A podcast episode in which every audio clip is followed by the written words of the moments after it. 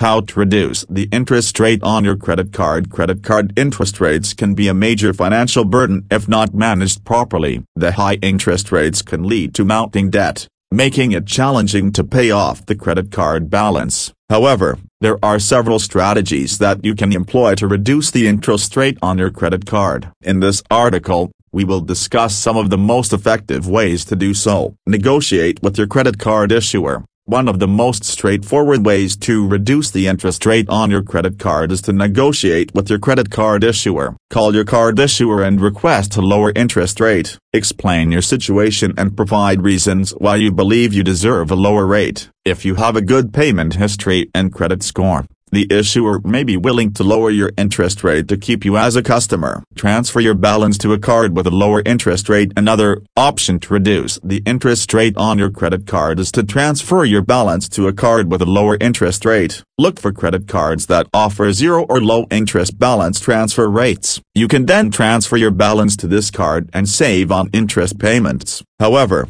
be aware of any balance transfer fees and make sure to pay off the balance before the promotional period ends to avoid high interest rates. Improve your credit score Your credit score plays a significant role in determining your interest rate. If you have a low credit score, you are more likely to get a higher interest rate. Therefore, it's essential to maintain a good credit score. Make timely payments.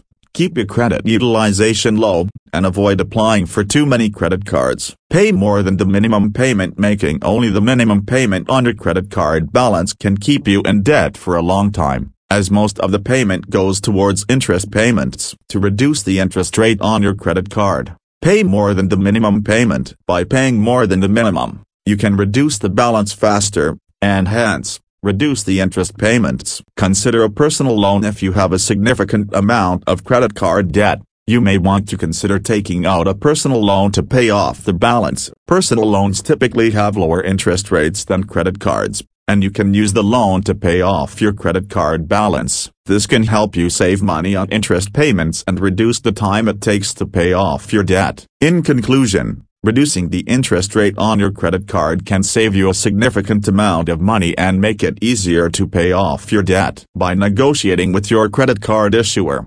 transferring your balance to a card with a lower interest rate, improving your credit score, paying more than the minimum payment, and considering a personal loan, you can reduce your interest rate and get out of debt faster.